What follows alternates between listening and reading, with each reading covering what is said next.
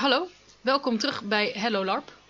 En vandaag gaan we het hebben over dat fantastische onderwerp beginnen met LARP. Iedereen die LARPt heeft er gestaan. Het moment dat je begint met LARPen.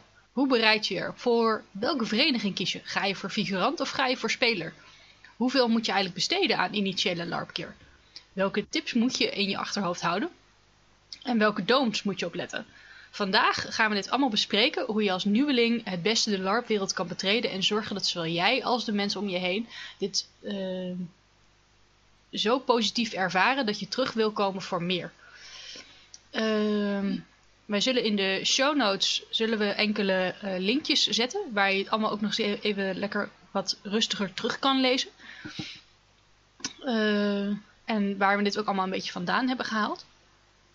En uh, we zullen beginnen met een eerste stap. Alle stappen zijn equally valid en equally belangrijk. Dus we beginnen maar gewoon ergens en dat is een vereniging. Uh, LARP Platform uh, heeft een evenementenoverzicht. en daar kun je alle LARPs die zich in grotendeels in Nederland afspelen, maar volgens mij ook enkele buitenlandse LARPs, kun je daarop terugvinden. Uh, daar staan uh, links naar de desbetreffende LARP-vereniging. En als, wanneer dat die bekend zijn, ook data wanneer de eerstvolgende LARP-evenementen zijn van die vereniging. Uh, dus dat even voorop. De link daarvan die zal ook uh, bij de show notes terug te vinden zijn. Um, en je, bij LARP-platform hebben ze bij de, om de evenementen wat overzichtelijk te geven, dat je met, een beetje met zoeken kan kijken, hebben ze dus verschillende types aangegeven, zoals uh, kids, high fantasy of low fantasy, wat te maken heeft met uh, hoe readily available magie is in de metafysica van de wereld. Uh, je hebt historische LARPs, je hebt post-apocalyptisch, je hebt sci-fi, je hebt zelfs tovenaar. En zo heb je allerlei verschillende LARPs. Ik heb ook een LARP gekend die Arabisch was in de opzet, maar ik heb gehoord dat hij er inmiddels niet meer is. Uh, het beste wat je kan doen is naar de verschillende websites van de verenigingen gaan en de beschikbare informatie lezen. Hè, uh, uh, lees de verhalen, lees de, het, het, overkoepelende verhaal van de LARP. lees over hoe de wereld in elkaar zit. Hè. Bekijk de kaart wanneer ze hem hebben. Vaak hebben ze die, want dat vinden ze leuk. En bedenk je, trekt het verhaal je aan? Trekt de wereld je aan? Kan je je vinden in de vereniging specifieke mechanische wereld, regels? Over hoe dat de wereld en de vaardigheden uh, werken. Uh, wat ook handig is, is om naar Castfest of de Elfancy Fair te komen. Hier staan verschillende, vaak wat grotere en al bekendere verenigingen met een paar man. Hè, af, waarschijnlijk tegen de tijd uh, dat deze aflevering uitkomt, zal Castfest al voorbij zijn. Um, en afgelopen Castlefest waren Games and Stuffer, waar was de Vortex, was er. Uh, er komt nog een vereniging. Uh, Volgens mij stond Artago er ook. Voor, ja, Artago inderdaad. Die, die, die, die, stonden er. En die kunnen je dan dus dingen laten zien van de, van de vereniging. Met foto's, met pakjes. En dan kun je ze vragen stellen. en zij kunnen je dan ook meer vertellen over hoe het is om daar te larpen. En als je vragen hebt, kun je die direct stellen. Want e-mail is niet altijd even handig bij sommige verenigingen. Um, zoek ook op Facebook naar mensen die spelen of figureren of actief zijn bij de vereniging van je interesse. En ga met hen praten. Uh, maar vergeet erbij ook absoluut niet te vragen naar de downsides van de vereniging. Elke vereniging heeft ze. En iedereen kan je echt wel een verhaal vertellen over de vereniging waar ze minder mooi uitkomen. En kijk dan volgens of dat je daarmee leven. Of, of dat je daarmee kan leven. Of houd het in ieder geval in je achterhoofd wanneer je daar gaat beginnen. Denk daarbij aan dingen als uh, toiletten die ver zijn lopen. Uh, voor sommige mensen met een beperking die snel bij een wc moeten kunnen, uh, kan dit een dealbreaker zijn. of iets waar ze in ieder geval goed moeten weten, zodat ze het in hun achterhoofd hebben en een planning daarop kunnen maken. Um, en vergeet ook niet om goed te kijken naar hoeveel dat je kan of wilt besteden aan een evenement. Het ene evenement is duurder dan de andere. Soms omdat je er meer voor krijgt, zoals binnenslapen en of catering. En soms omdat het terrein wat duurder is of omdat het wat kleiner is. En het dus verdeeld moet worden over minder man. Omdat er gewoon niet meer plek is om meer uh, leuk spel te geven. en dat zijn dus allemaal dingen uh, waar je over na gaat denken bij een vereniging. En uh, wat je natuurlijk ook niet moet vergeten is om na te denken, om te kijken ehm, ja, waar dat je vrienden zitten. Dat is gewoon heel belangrijk. Kijk, als je specifiek een LARP wil waar je vrienden niet zitten, dan is dat heel belangrijk om te weten. Uh, want dan kun je daar je vereniging op uitzoeken. Omdat je misschien zelf een keer wil ervaren zonder dat je uh, meteen vasthoudt aan de ankers waar je misschien altijd aan vasthoudt. Of misschien wil je juist die ankers wel en zoek je dus juist een vereniging met die vrienden. En dat zijn allemaal hele valide redenaties om een vereniging op uit te, zoeken. Het maakt het niet erg of uh, het maakt je niet zwak of wat dan ook. Het is gewoon een valide redenatie en eentje die we allemaal van tijd tot tijd hebben gebruikt. Uh, dan komen we bij het volgende, een volgend vraagstuk aan. Namelijk, ga je voor speler of ga je voor figurant? Uh, een, een voordeel voor figurant is dat je minder opstartkosten hebt. Want je hebt alleen een basispakje nodig. De rest kun je lenen van de vereniging. Sterker nog, die deel je samen met de rest van de figuranten. De ene vereniging zal wat meer uh, ja, kit te lenen hebben. En een andere vereniging zal misschien uh, vrij weinig meer hebben als alleen wat wapens. En zul je wat meer zelf moeten hebben. Maar dan hebben de andere figuranten vaak uh, meer kleding waar je wat van kan lenen, zolang je het vriendelijk vraagt. Het voordeel van figurant is ook dat spelleiding je kan koppelen aan meer ervarende spelers. Uh, die weten namelijk al hoe dat je het spelletje speelt en daar kun je dan, dan ga je samen het rolletje in en die, zorg, die geeft jou dan een, een opstukje om mee te gaan in het spel. dan, dan, hoef je, dan is die eerste drempel net wat makkelijker. Ja, klopt. Uh, daarnaast, wat is ook nog leuk, hè, want je hebt het nu over meer ervaren NPC's natuurlijk, die kunnen jou een beetje helpen, zeg maar, in een betere NPC worden. Je komt ook echt in een groep van mensen die zijn creatief in oplossingen. En uh, je wordt vanzelf meegesleept, je wordt vanzelf zeg maar een beetje aangezet. Je wordt vanzelf een beetje aangezet om uh, wat meer dingen te doen als een NPC. En misschien al een toevoeging bij het stukje over opstartkosten. Bij de meeste verenigingen betaal je minder als je per se komt. In sommige gevallen alleen de toeristenbelasting. En vaak zelfs, vaak, dat is niet waar, af en toe helemaal niets. Ja, ja dat is inderdaad een goede.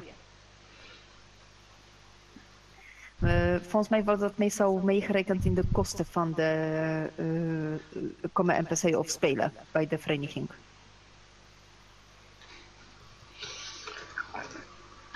Ja. Uh, zal ik wat, wat bezwaren aandragen tegen beginnen als monster? Uh, bijna. Ik had nog één ding wat ik uh, wou zeggen, de voordelen van figurant.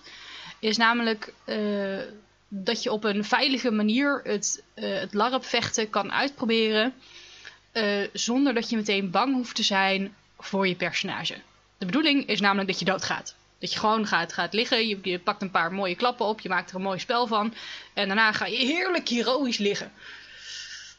Um, je hoeft je niet in te houden. Je kan je, het, vechten kan je volledig uh, ingeven. Je kan het gewoon rustig uitproberen. Uh, zonder dat je daar bang voor hoeft te zijn. En uh, dat, dat maakt dat aspect wel eh, heel prettig. Je, je kan ook verschillende soorten spel uitproberen zonder dat je bang hoeft te zijn voor je personage. Dus ja, het, het, maakt het spelletje wat veiliger. Ehm ja, de, de, de nadelen. Ja, want ik heb als, als spelleider, ik, ik wil ook even uh, noem dat, een café had Emter aandragen. de, uh, als je begint aan deze hobby en je, je, je stapt zo'n nieuwe spelwereld binnen.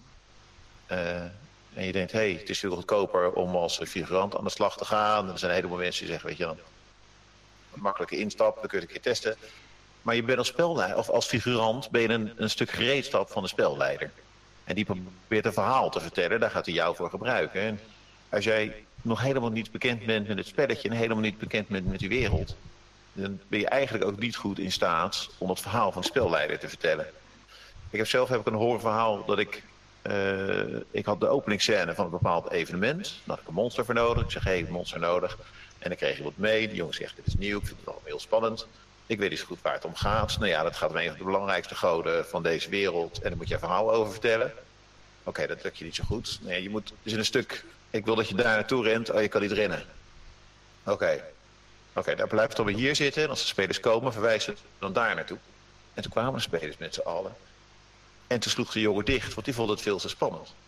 En dan is vervolgens als spelleider is mijn openingsscène is stuk. En die jongen die voelt zich vreselijk rot. Uh, die heeft het echt niet naar zijn zin. En de spelers, die snappen er ook een barst van. En die uh, gaan mopperend rond. En oh, zijn die monsters slecht, et cetera. Dus kortom, ik denk dat als je als speler 100% geeft in zo'n evenement... moet je als monster 110% kunnen geven. je moet goede conditie hebben. Je moet een beetje tegen mensen durven, durven opstaan en durven tegenspreken. Uh, en je moet een beetje tijd stoppen in snappen waar dat specifieke LARP waar naartoe gaat, overgaat. En als je dat allemaal, allemaal durft, dan denk ik dat je prima kan beginnen als monster. Ja, je moet, je moet vooral je grenzen kennen, inderdaad. Je moet vooral je grenzen kennen, inderdaad. Je moet weten wat je wel kan doen, wat je niet kan doen, definitief. Want uh, anders kan je nooit, nooit van je leven gaan aangeven als een NPC. Yo, dit ligt niet in mijn mogelijkheden. Ik kan dit echt gewoon niet. Dus pak een iemand anders voor. En dat scheelt, uh, gedoe scheelt, uh, zoals je zegt, het rotgevoel voor iedereen. Uh, Pascal wou nog iets zeggen? Ja, absoluut. Nee, ik, ik heb dezelfde ervaring gezien met monsters die, zeker nieuwe spelers die als monster binnenkwamen, die eigenlijk de ene simpele knokrol naar de, naar de, de beveiligde rol, naar alle simpele rollen kregen en zich daar helemaal de piep verveelde omdat ze eigenlijk niks te doen hadden behalve leuk staan, meekijken en verder niks doen. Dus ik, als je, als je verlegen bent, niet te veel durft, ja, het is een manier om zonder gevaar voor je karakter ergens in te komen. Alleen je staat wel heel gauw in de schijnwerper als, als, als monster. Of je staat heel gauw heel erg achteraan. Ja. Het is, het is meestal of het een of het ander en er is niet echt een middenweg. Terwijl als speler krijg je veel meer de kans om uh, voorzichtig dingen te proberen. Ja. Een, uh, de, de, cijfers die werken ook wel aardig mee. Je hebt, weet het niet uit mijn hoofd, maar de, uh, bij, bij Vortex hebben we een hele slechte retentie wat betreft nieuwe monsters. Dus dat wil zeggen, mensen, mensen kwamen één keer monsteren en daarna nooit meer. Of ze kwamen monsteren en ze bleven drie jaar zitten. Maar dat waren er veel minder dan, uh, uh, dan de ploeg die jullie iedere keer naar één evenement onderheen hadden gejaagd. Ja, zeker. Um, wat ik ook heel veel als een uh, negatief aspect voor beginnen als figurant heb gehoord, is dat je de achtergrondwerking ziet van het evenement. Sommigen vinden dat oh, heel, ja. heel prettig, anderen vinden dat je een evenement eerst als speler moet ervaren. Uh, zodat je de magie kan ervaren van het verhaaltje, van het ontdekken van wat er op je afkomt. En niet dat je eerst, hè, uh, net als bij een theater, eerst in de coulissen gaat kijken van hoe werkt, uh, hoe breng je dit effect nu teweeg eh, op het toneel. Hè? Ehm, hoe zorg je dat die sneeuw zo mooi valt? Hoe eh, zet je die achtergrond zo mooi neer? Hoe laat je die de, de props naar voren komen. Hè? Hoe doe je dat allemaal? Dat soort dingen, als figurant zie je dat. Hè? Dat, dat bouw je zelf tot op zekere hoogte. En uh, de, de, de een is een vervent voorstander van nee, je moet uh, een, een vereniging moet je eerst als speler ervaren, want anders ehm, verpest je voor jezelf de magie. Het, het, het is een afweging. Ik denk, ik zit te denken schieten we naar binnen. Volgens mij is het, het, het lijkt een veel grotere stap om te beginnen als speler. Maar ik denk dat het eigenlijk een veel grotere stap is om te beginnen als monster. Ja, mij, mij, werd het, ja, mij werd het bijvoorbeeld heel vaak juist aangeraden om als NPC te beginnen. Als je wil een, een vereniging uh, leren kennen, als je wil weten of die specifieke vereniging een verhaal iets voor je zijn. Um, daarentegen, ik ben uh, daadwerkelijk gescout en eigenlijk gewoon, uh, ja, Kotka, jij past in die specifieke rol. We hebben een specifieke rol voor jou, NPC-rol. Uh, geweest. Zo ben ik begonnen met NPC'en. Maar het vereniging van de andere kant zeg maar, leren kennen van achter de uh, schermen. Ik weet of dat is een groot probleem. Uh, grotere probleem lijkt mij eerder. Hoe goed kan jij niet met haar gamen? Zal je je mond niet voorbij praten aan een vriend die wel speelt, bijvoorbeeld? Of wat doe je als een vlosje je niet aanspreekt? Uh, dat zijn de dingen bijvoorbeeld, wat heb ik zelf eens of uh, ooit mee gezeten. En achteraf had ik zoiets van, dit is toch niet echt helemaal leuk. En ik weet niet of dat is in verband puur van, hey, je leert het spel en het vereniging van achter de schermen kennen. Maar om eerlijk te zijn, dat krijg je overal als een speler. Als je bent betrokken genoeg bij je vereniging. Ja. Ja, ik heb ook nog een ander uh, punt wat een beetje aansluit op uh, waar Mark het over had. Dat je een gereedschap bent van de spelleiding. Namelijk dat sommige verenigingen uh, zijn er erg op tegen dat je als nieuweling gaat figureren. Puur omdat je het spelletje niet kent en ook niet weet hoe spelers gaan reageren. Dat heeft er uh, bij de Vortex geloof ik ook een beetje voor gezorgd dat ze een, aantal jaren terug het grootste gedeelte van de monsters eruit hebben gebonjourd. Uh, om het wat vriendelijker te zeggen. omdat ze het idee hadden dat de monsters eigenlijk totaal niet om konden gaan met hoe dat de spelers het spelletje speelden. Hè, en hoe dat eigenlijk de bedoeling was dat ze daarop gingen reageren om dat spel beter te kunnen faciliteren. En wat ze wouden gaan bereiken met de monsters. Uh, wat er tot heeft geleid, dat ze toen hebben gezegd van weet je, bij ons uh, mag je alleen nog maar NPC'en op uitnodiging. Ehm, want wij willen zeker weten dat de monsters die wij hebben, dat die uh, dingen episch neer kunnen zetten. Dat die weten uh, hoe dat spelers gaan reageren op, uh, op, op, plot. En hoe uh, monsters daar dan weer op moeten reageren om de juiste spelersreactie uit te lokken. Uh, inmiddels is dat opgeheven en is het weer open voor iedereen om toe te gaan. Uh, maar ja, over, over figureren bij de, bij Vortex hebben we het misschien nog een andere keer. Daar ga ik nu niet specifiek op in. Uh, maar dat zijn een beetje de, de voor's en tegens uh, voor beginnen als figurant. Uh, had jij verder ja, nog iets? Komt het, daar komt het eigenlijk zo'n beetje op neer, inderdaad. Nou, dan hebben we natuurlijk nog de andere kant.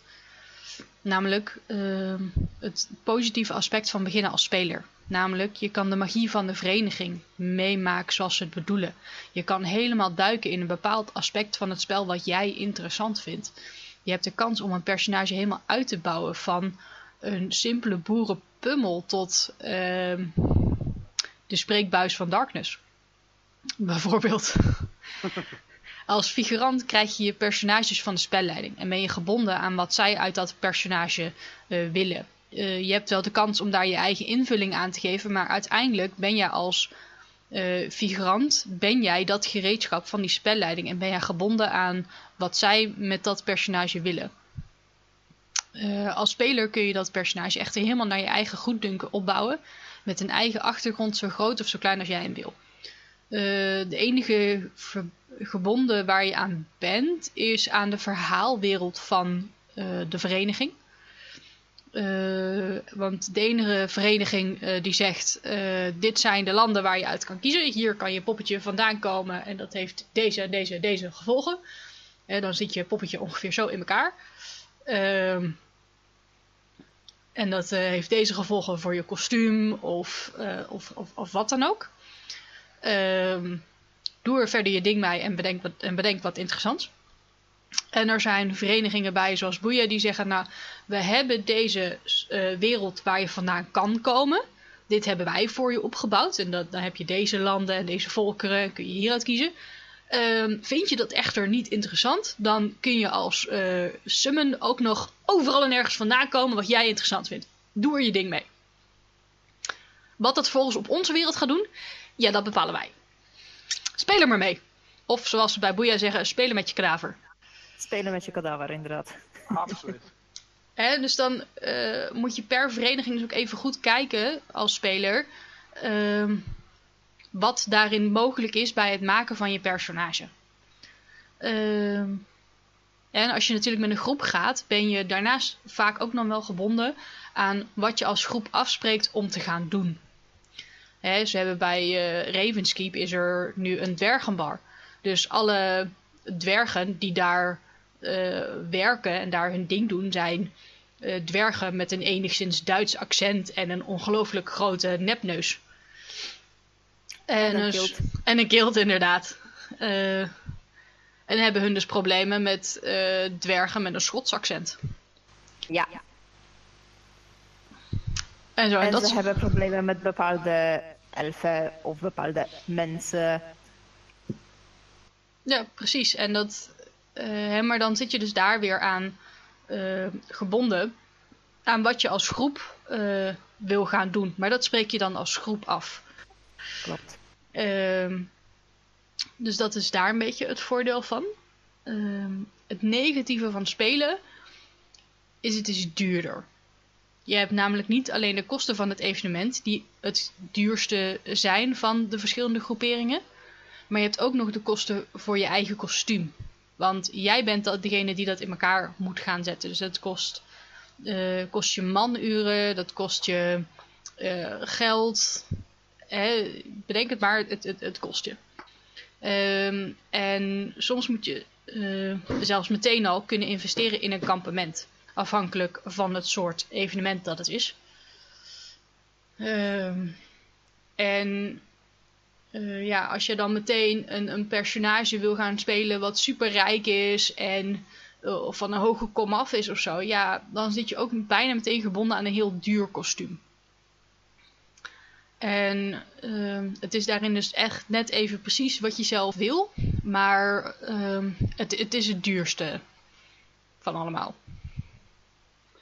Tenzij je natuurlijk iemand kent binnen de LARP, eh, LARP-wereld en daarmee kan overleggen of je iets kunt lenen. Of dat je, dat heb ik ook wel gezien, eh, mensen die op een forum van een vereniging of een, een Facebook of dergelijke gewoon vragen goh jongens, ik wil een keer komen spelen, Eh, dit is wat ik ongeveer wil, kan iemand me helpen?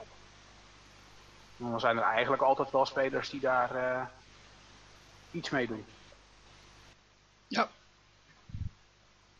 Zeker. Eh, maar ja, dan ben je dus wel weer afhankelijk van anderen. En dat is voor niet iedereen een, een optie waar ze voor willen gaan. Eh, bedenk erbij ook dat niet alle verenigingen ehm, catering serveren. Eh, of in ieder geval niet in, bij de prijs inclusief doen. Laat ik het dan even zo goed zeggen. Eh, dus dan ben je ook nog eens een keer verantwoordelijk om naast het kostuum, naast het evenement, naast je kampement, als je pech hebt, dus ook nog eens een keer voor je eigen eten moet gaan zorgen. Dus ehm, ja, het, het, eh, het, is gewoon het, het grootste nadeel van spelen is dat het heel erg duur kan zijn. Ehm, nou, Ja, en dan is het ook nog natuurlijk, waar zitten eigenlijk de meeste kosten? Hè? ja.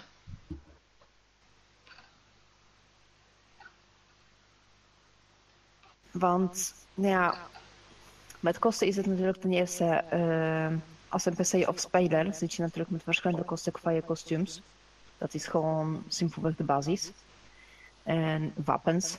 En ga je eigen eh, overnachting verzorgen. Nou, dan moet je tent hebben, moet je een slaapmatje hebben, het bedje, het dat en zus en zo. Dus het tikt heel makkelijk aan. Hoe zit het daarmee eigenlijk voor een eh, spelleiding? Je hebt de, de meeste, ehm, meeste verenigingen doen de spelleiders gratis of eh, eh, laten ze een gereduceerd tarief betalen.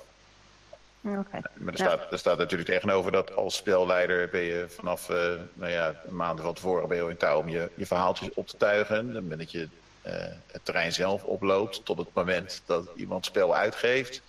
Ben je permanent in touw voor het spelletje. Ja, klopt. Dus je betaalt eigenlijk sowieso een prijs ervoor. Ja, je, je betaalt in manuren. Vortex hadden op een gegeven moment besloten de, de spelleiders catering te geven. Omdat we bang waren dat ze anders te lang van het veld waren als ze zelf wat moesten regelen. Ja, inderdaad. Ja. Of eh, gewoon niet op tijd gingen eten of wat dan ook. Ja. Het is natuurlijk heel makkelijk om eh, te gaan doen, want je zit zo zelf geconcentreerd op het spel om te zorgen dat alles gaat in goede banen lopen. Om dat te begeleiden als spelleider natuurlijk. Dat je gaat op een bepaald moment gewoon niet eens in de gaten hebben hoe laat het is. En dan heb je zoiets van, oh, en ik had het eten gemist. Om het zo te Ja, zeggen. ja, dit regelmatig. Ja, nou, dat is ook een reden dat ik inderdaad, eh, toen ik eenmaal ging spelen bij de Vortex, dat ik mezelf ook meteen als eh kokin voor de vikingen heb opgezet. En dat ik binnen no time de helft van de factie bij me heb zitten. Vonden de vikingen uiteindelijk alleen wat minder. Vooral omdat de mensen die dan vaak bij ons kampement komen zitten, die dan vervolgens eh, hun rotzooi laten slingeren, die wij dan vervolgens wel weer mogen opruimen en op ons dak krijgen, dat het kampement er niet uitziet. Ja. En zo, tot, tot zover dat we het dus een keer hebben gehad dat we uiteindelijk ruzie hebben gehad met, ehm, eh, met het eh, afbouwen. Omdat eh, hè, dat de, Viking, de, de factie mocht wel uitchecken, maar de vikingen niet. Want eh, het kampement was gewoon nog een rotzooi. Omdat zoveel mensen die bij ons in het kampement waren komen zitten. eh, gewoon hun rotzooi niet hadden opgeruimd. Dus Dat En flauw. en dus bleef het maar bij ons liggen. Maar ja, het was niet van ons. Dus wat moeten wij ermee? En ze kwamen het ook niet ophalen. Dus ja, dan blijft het liggen. En er was echt een hele hoop gezeik mee. En sindsdien letten wij er wel heel veel op. Maar het, het blijft een probleem dat mensen die dus bij de vikingen aan het vuur komen zitten... eh, dat ze gewoon een eigen rotzooi niet opkomen. Nou, dat, dat zie je niet alleen daar hoor. Dat zie je ook op meer algemene speelruimtes. Ook de factietent is ook altijd een, eh, een issue. Maar ik, volgens mij zitten daar tegenwoordig wel beter bovenop. Wat ook wel grappig is, is dat eh, met de tijd is het volgens mij ook wel duurder geworden. Dus ik herinner, toen wij begonnen, toen liepen we met, eh met veldenzakken met tekens erop gespoten. Dat is allemaal acceptabel. Ja, ja, Toen, Ja. toen kon je nog gewoon op je, op je wit sportschoentjes komen en niemand die er wat van vond. Dat je, je, je badstofmanteltje en eh, een t-shirt binnenste buiten. Ja. Eh, maar dat, als ik dat nu doe, dan volgens mij mag ik het terrein niet eens op. S ochtends om 9 uur. Weggejaagd. Dat, is wel iets om als vereniging ook denk ik rekening mee te houden van oké, wat, wat voor standaard hanteer je voor nieuwe spelers? Kijk, ik heb er persoonlijk eh, helemaal geen bezwaar tegen. Ik vind het zelfs leuk om te zien hoe eh, sommige spelers in, in hele simpele basiskleding binnenkomen en in een, een, een, verloop van een paar evenementen eh, het kostuum ook verandert aangezien ze het, het, het naar hun zin hebben en dat, dat uitbouwen. Ja, of vanwege Ja. het maar verhaallijn. leuk om, eh, om, eh, om mee te maken. Ja, Dat heb ik zelf meegemaakt eh, persoonlijk als speler op Ravenskip.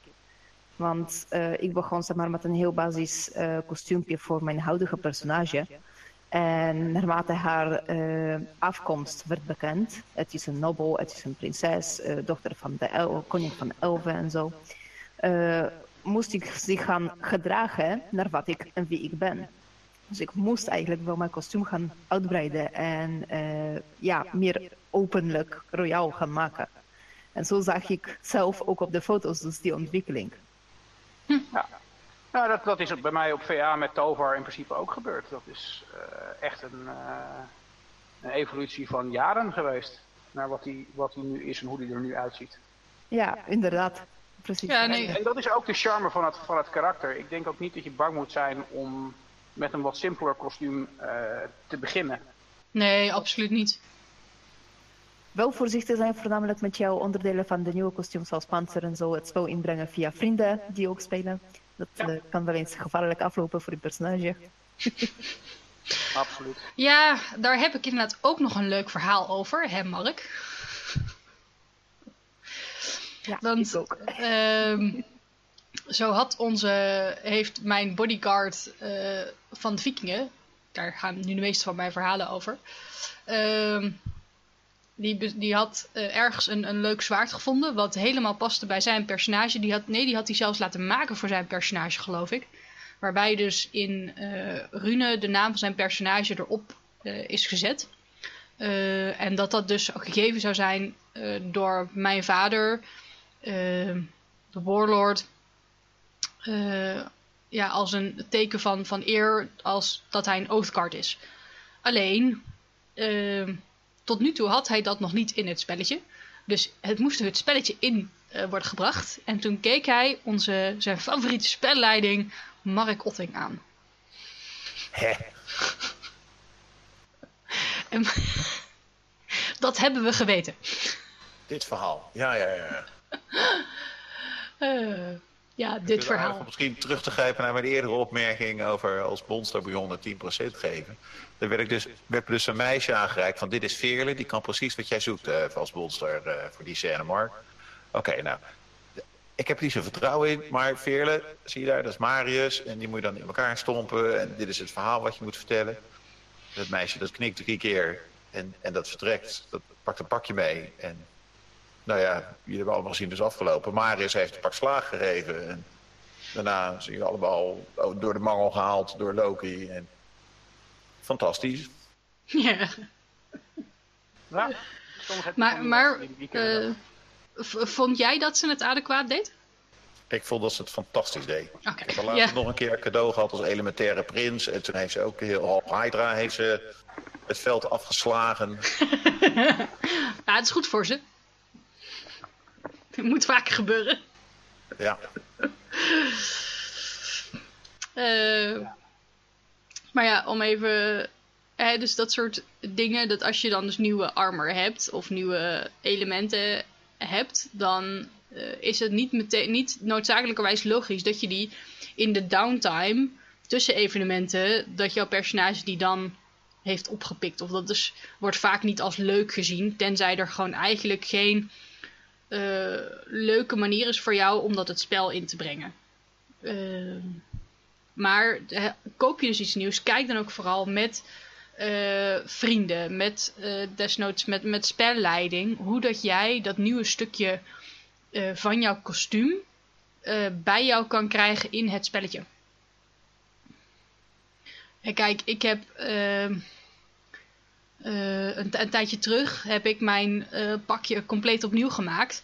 Omdat de stoffen waar het van was gemaakt, uh, waren compleet onhandig. Zeg maar, de, de, de onderjurk, die was, uh, waren de, de gaten te klein en het gaf niet mee. de bovenjurk, die was van een niet stretchende stof. En die daar moest ik helemaal echt helemaal inge hezen en, en getrokken worden. Dat was echt elke ochtend en avond. Ik kon gewoon niet in mijn eentje naar bed. Want er moest gewoon altijd iemand met mij mee om mij uit de jurk te trekken. Dat was gewoon echt niet te doen. Dus toen heb ik voor mezelf een nieuw uh, pakje gemaakt. Ja, dat ga ik niet uh, wachten totdat iemand mij die in het spelletje geeft. Uh, die draag ik vanaf dag 1, want dat was gewoon niet te doen. Ehm, maar op het moment dat ik echt andere elementen zou uh, krijgen die uh, echt een impact hebben op mijn personage, uh, die dus ook iets voor mijn personage zouden betekenen, dan zou ik dat wel via het spelletje krijgen. Zo ehm, heb ik nu een onderdeel van mijn kostuum, maar die is kwijtgegaan. En daar baal ik eigenlijk wel van. Dat was op de summoning op Zeewolde uh, toen kwam er weer een influx van vikingen het kampement binnen. En één daarvan die was Jules. Uh, Jules die, was, die deed de kleding managen voor de monsters van de Vortex. En uh, die was er toen ook mee gestopt. Ehm, en die is toen ook bij de vikingen terechtgekomen. En die is een van de zuidelingen gaan spelen. Een van de weinige zuidelingen die we hebben. En ehm, nou, ik, mijn poppetje was op dat moment al op de Vortex. Ehm, en uh, ik wist dat uh, de vader van mijn poppetje, de Warlord, uh, ja, die zou sterven. Hè, ik zou geen familie hebben. Ik zou weliswaar de prinses zijn van het zuiden. Maar ik zou daar verder niks mee te maken hebben. Omdat, ja, anders dan zou ik het spel technisch gezien overnemen van de kerngroep van de groep. En uh, ja, dat vonden we gewoon niet echt leuk en tof. Dus dat uh, ik, ik mocht de, een prinses spelen op de voorwaarde uh, dat ik dan niet binnen het spelletje heel veel te zeggen zou hebben over het zuiden. Nou, dat, daar had ik verder geen probleem mee, want dat was niet de reden waarom ik de prinses wou spelen. Maar gewoon omdat ik het leuk vind om prinses te spelen. En nou, toen kwamen dus al die nieuwe vikingen. En een daarvan die was Jules. En nou, dan zit je natuurlijk met, oké, hoe komen die in godsnaam het spel binnen? En hoe komen die het kampement binnen? En nou, toen kwam dus Jules helemaal verkleed en weet ik het allemaal wat voor pakje die hij ook weer aan had. Wat ik ook nog eens een keer gedeeltelijk voor hem gemaakt had. Die kwam binnen met een doek over zijn gezicht en die kwam binnen strompelen. En nou, ik sprak hem niet echt, maar ja, de, de generaal van de vikingen op dat moment die sprak met hem. En uh, die kwam even later kwam die naar mij toe. Had ik mijn grootste scène die ik op dat moment had, ooit had gehad. Namelijk het moment waarop mijn personage te horen krijgt uh, dat haar vader is overleden. Dat hij de chaosaanval niet heeft gered. Nou, ik heb lopen stampen met mijn vuisten op de borstkas van die beste vent. Vond ik geweldig om te doen. Ik vond het echt geweldig dat hij dat, dat, dat toeliet. Uh, want dat durfde ik eigenlijk helemaal niet, maar ik moest iets verzinnen om, met, met verdriet. Uh, en toen kreeg ik dus uiteindelijk de ketting die hij bij zich had van mijn vader. Alleen het steentje wat daarin zit, is dus ergens op de vortex kwijtgeraakt. Die is er gewoon letterlijk uit de, uh, uit de setting gevallen. Dus dat is een beetje balen. Maar Aan de andere kant is het op zich wel weer een mooi verhaal daarmee. Ja, behalve dat het waarschijnlijk. Dat, dat, ja, het is dus niet echt IC gebeurd of zo. Het is gewoon echt super jammer. Speel ermee.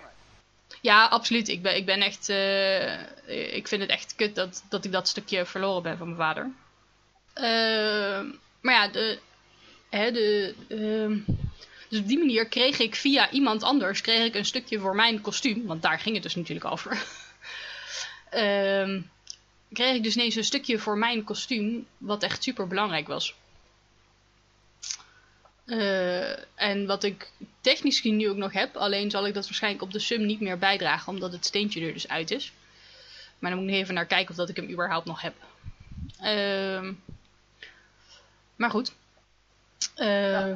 Over uh, figurant versus speler. Uh, ik heb de Vortex Adventures nu zowel als speler als figurant meegemaakt. Ehm, en ondanks alles wat Mark heeft gezegd, was voor mij als figurant beginnen echt een goede optie. Ik ben super onzeker en dat is door de jaren heen alleen maar erger geworden. En ik heb echt eerst de tijd nodig om rustig alles te kunnen zien en meemaken. Juist die achtergrond mee te kunnen maken van het spelletje en niet uh, midden in de magie te worden gestort. Was ik als speler begonnen, zou ik hopeloos verdwaald zijn geraakt. En zou ik het spelletje gewoon niet leuk hebben gevonden. Uh, ook omdat wij op dat moment niet bij een groep zaten. Dus aansluiting zoeken is een, was, zou een issue zijn geweest. Hè, en als figurant werd ik gekoppeld aan ervarende figuranten. En daardoor kon ik dingen doen en durven in dit spelletje. Die ik als beginnende speler nooit zou hebben gedaan. Maar waar ik nu heel veel plezier uit haal. En doordat ik juist de achtergronden wat meer leerde kennen, was ik beter voorbereid op het spelen door het figureerde leerde ik mensen kennen, waardoor ik toen ik ging spelen daar makkelijker aansluiting bij kon vinden. Sterker nog, toen ik moest gaan spelen, uh, zeiden de vikingen, die oud-monsters waren allemaal, zeiden van, oud-monsters, jullie zijn welkom bij ons. Als jullie willen spelen bij de Vortex, dan sluit je woord viking. Dus van, oké. Okay. En dat is het begin van dat hele toffe verhaal geworden. Ja. En uh, ja, Pascal weet er alles van. Dat klopt. Uh, maar ik moet ook eerlijk zeggen, ik heb de keerzijde van dit verhaal ook wel gezien. Ik ben uh, destijds op VA met twee andere mensen, mijn vriendin en een goede vriend van mij begonnen. En wij hadden die aansluiting niet. En we hadden wel een beeld waar we ongeveer wilden belanden. Um, maar ja, dan is het meer gewoon op mensen afstappen, een praatje maken, kijken hoe het loopt. En toen zijn wij door een, een, een ervaren speler, nu tegenwoordig spelleider, uh, eigenlijk uh, opgepakt. En uh, die heeft ons ja, eigenlijk geholpen met de eerste connecties binnen, binnen de Vortex en binnen, binnen het spel. Ja, ja, maar ja... En iets wat ik zeker, nu ik een aantal jaar daar speel, graag terug doe naar alle nieuwe spelers die voor mijn voet terechtkomen. Iets wat ik iedere nieuwe speler ook absoluut aanraad. ja, LARPen is, je, je moet iets durven. Je zal iets moeten doen om een spel te krijgen. Ja, ja, absoluut. op je kont gaan zitten aan het kampvuur. Gaat waarschijnlijk weinig opleveren tenzij je heel veel geluk hebt. Ja, ja, ja. Maar ja, ehm, door dit gebeuren bij de Vortex, ehm, waar mijn vriend is wel een van de sterverhalen van Mark Ottings eh, zijn punt. Want die is daar gewoon ingestort als een vis in het water. Ehm, maar mijn vriend en ik hebben nu ook echt de gewoonte dat als wij een nieuwe vereniging uitzoeken, dan beginnen wij als figurant. Dit heeft eh, ook zeker te maken met dat we dan de kosten willen drukken. En dat we de vereniging eerst wat beter eh, willen kennen. En Michael, die kan. eh, die komt als figurant, die komt binnen, die zegt hoi, die kijkt het plotboek een keer door. En die zegt op elk plot wat de kant op komt, ja hoor, dat doe ik wel. En ik kijk een hele hoop eh, katten uit de boom. En eh, ik zoek vooral plotten op die ik samen met wat andere mensen kan doen. Eh, en ja, het probleem is, conflictplot zoek ik niet op. Butsplot doe ik niet. Ehm, dan wordt het vaak al... episch plot moet je ook niet mijn kant op sturen. Dan wordt het vaak al moeilijker voor spelleiding om mij in te zetten als gereedschap. Maar ehm, ik vind dat ook helemaal niet erg. Eh, ik trek het namelijk sowieso niet om eh, heel de dag bezig te zijn. Eh, zeg maar. Dus ik maak me dan vaak weer nuttig door te zorgen om door figuranten te bevoorraden. Door wat ik bij de Vortex deed, was ik ging meehelpen bij de kleding. Hè, de zorgen dat figuranten pakjes kregen. Want eh, hè, dan ging, ik, ik, ik maakte me op andere manieren wel een goed gereedschap. Hè, ehm, ik, ik trek het helemaal niet. Da- dat doe ik als viking. Ben ik ook echt niet heel de dag eh, bezig met plot. Alsjeblieft niet. Ik moet er niet aan denken. Voor mij, het koken wat ik doe, is een perfecte manier voor mij om te zorgen dat ik wel bezig ben in het spelletje, in het wereldje. Hè, ik ben beschikbaar om mee te praten als het moet, eh, hè, als er iets te doen is. Maar ehm, hè, ik heb gewoon een manier om even wat rust te pakken, even mijn hoofd uit te zetten, even minder bezig te hoeven zijn met wat er allemaal shit aan de hand is. En dat is voor mij gewoon wat ik nodig heb, maar ik ben me daar ook heel erg bewust van. Niet de eerste keer toen ik ging figureren, maar inmiddels wel. Ja. Nee, maar zo, zo heeft iedereen zijn eigen speelstijl. Iets waar we misschien op een later moment nog een keer op terug moeten komen. Eh, nou, aan het einde van de podcast komt Mark daarop terug. Eh, maar eh, nu we het toch over Mark hebben. ehm, Mark, als spelleider, hoe, eh, hoe ga jij om met nieuwe, nieuwe eh, spelers? Ehm, ja, dan heb ik eigenlijk. Je maakte net al een heel mooi bruggetje naar eh, het einde van de podcast. Ehm, je, Je mag het stukje ook nu doen hoor, als dat handiger is. Ja, mag het nee, is, het is omdraaien een hele makkelijke omdat het een. eh, eh, jouw vraag was hoe, hoe ga ik om met, met nieuwe spelers? Zeg maar, hoe, Ja, ja met, met name van, ehm, ehm, kijk je daar nog anders tegenaan? Doe je, er daar, doe je daar nog wat speciaals mee? Eh, wat, Ja. wat is jouw insteek als spelleider? We hebben sowieso hadden we, want ik had het net al over slechte retentie van, van monsters. En om een eigen argument erin meteen af te schieten, we hebben ook een waardeloze retentie wat betreft spelers. Dat je best wel vaak ziet, mensen komen naar Vortex, het is enorm, ze weten zich geen, geen plek te vinden, ze weten niet hoe ze het moeten aanpakken en ze verdwijnen na één of twee keer weer. Klopt. Iets, iets Ehm. wat wij als spelers ook proberen aan te pakken. Maar Ja, ja we hebben vanuit, vanuit eh, de, de organisatie hebben we natuurlijk het bootcamp. Dus dat Ja. nieuwe spelers die, weet je, die worden meegenomen in de bootcamp. En de bootcamp wordt uitgelegd. Luister, dit is wat je kan verwachten als je dat veld opstapt. Dit is hoe je aansluiting vindt bij mensen. Ehm, eh, eh, dit is eh, wat je eigenlijk kan verwachten over het weekend. Ja.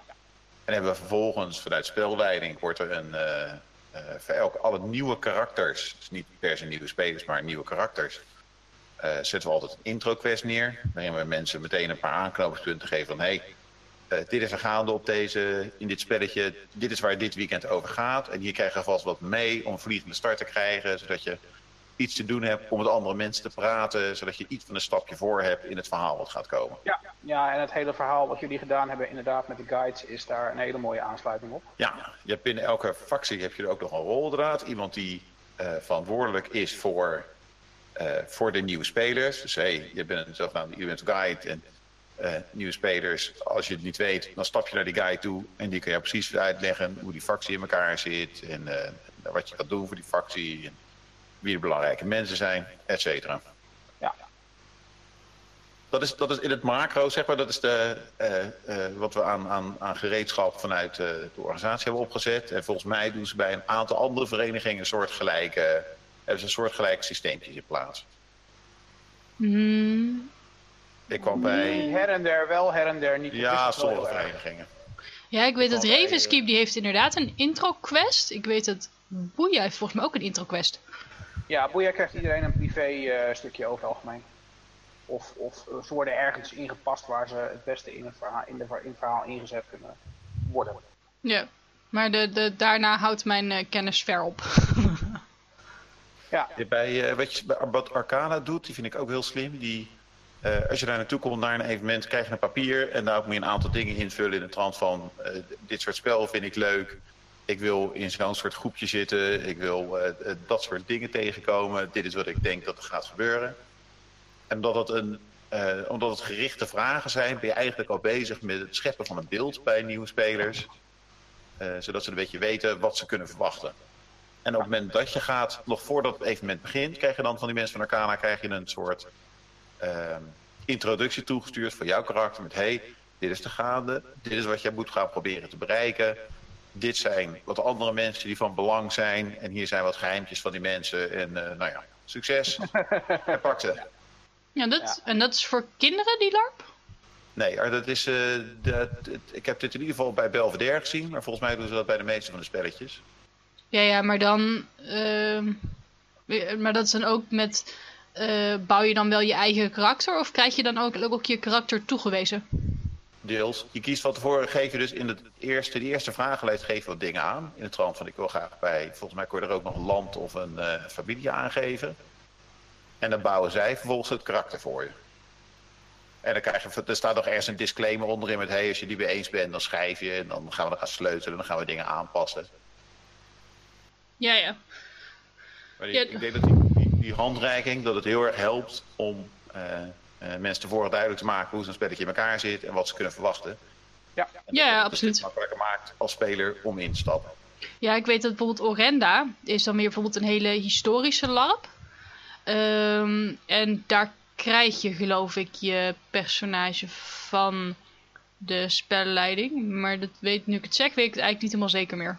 Ja, die, die doen ook zoiets. Ja, Orenda's, ik denk, ik ben er zelf niet geweest. Maar als ik kijk naar de mensen die er lopen, denk ik dat het niet een evenement is voor beginnende spelers. Nee, dat uh, absoluut niet.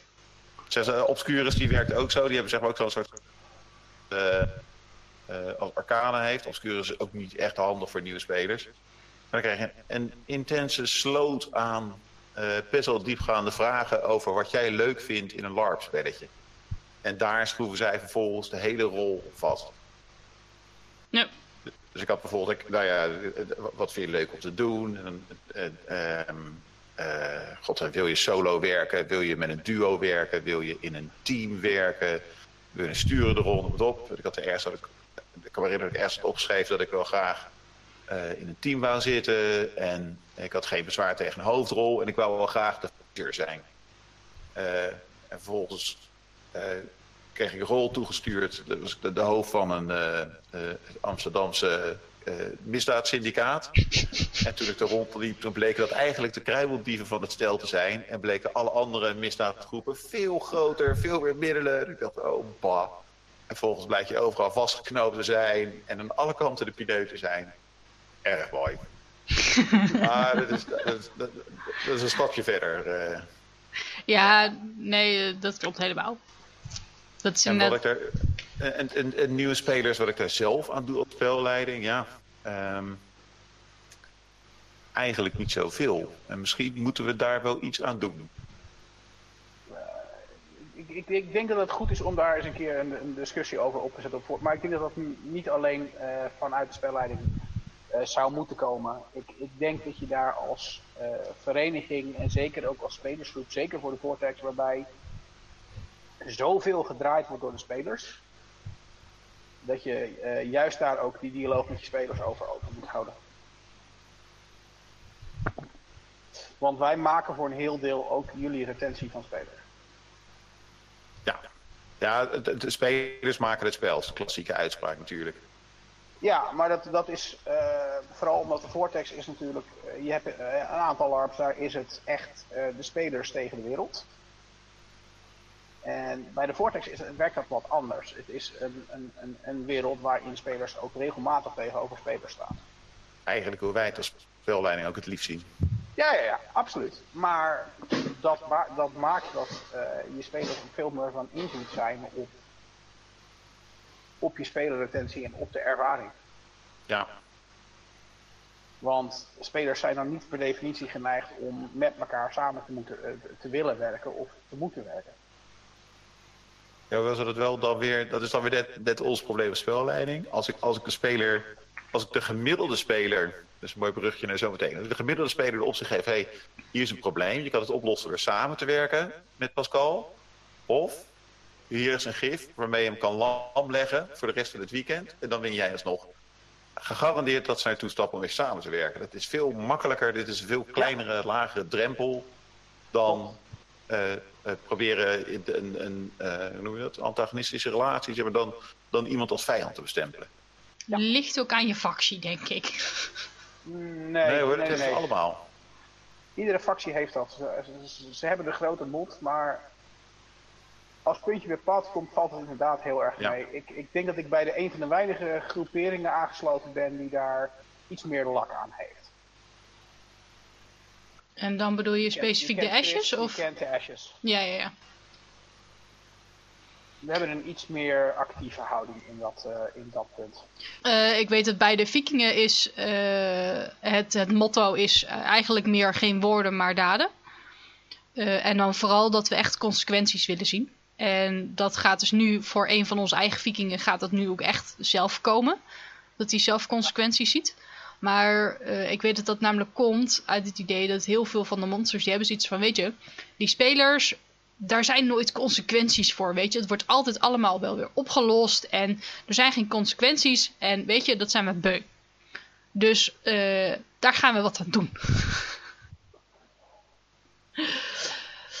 Ehm, Op zich is dat ook wel logisch, want ehm, ik, ik denk dat het ook uit een deel terughoudendheid komt om een ander spelletje te testen. Omdat het, eh, zeker als je nieuw bent eh, en, en, en je ziet dat je tegen een ander in moet, eh, wel, wel zo gaat voelen. Zeker als jij de, de overhand lijkt te hebben. Ja, ja, en zo hebben wij op die summoning in Zeebolde. ehm, ik weet niet of dat ik dit verhaal hier al een keer had verteld. En anders dan komt het nog een keer. Ehm, eh, hè, toen stonden we met vikingen ergens. En toen eh, eh, stond er vlak buiten ons kamp. eh, stonden er wat mensen te praten. Dus de vikingen die gingen even kijken van... Goh, wie zijn jullie? En Ja. toen bleek dat dus... Ik weet niet, volgens mij waren dat eh, was dat de intro quest of zo die bij ons voor stond. Eh, samen met de Elemental Guide van.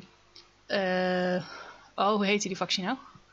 Niet Ma- Manticore. Manticore. Man- Manticore, inderdaad, want jullie weten al waar dit verhaal heen gaat. En eh, Manticore stond voor chaos. Ja. En als er iets is waar de vikingen niet tegen kunnen, dan is het chaos. Ja. Want onze, eh, mijn helft van de wereld is overlopen door, door chaos. Daardoor zitten we nu bij het noorden en op de vortex om dat tegen te gaan. Eh, dus zodra dat wij chaos zien, moet het dood.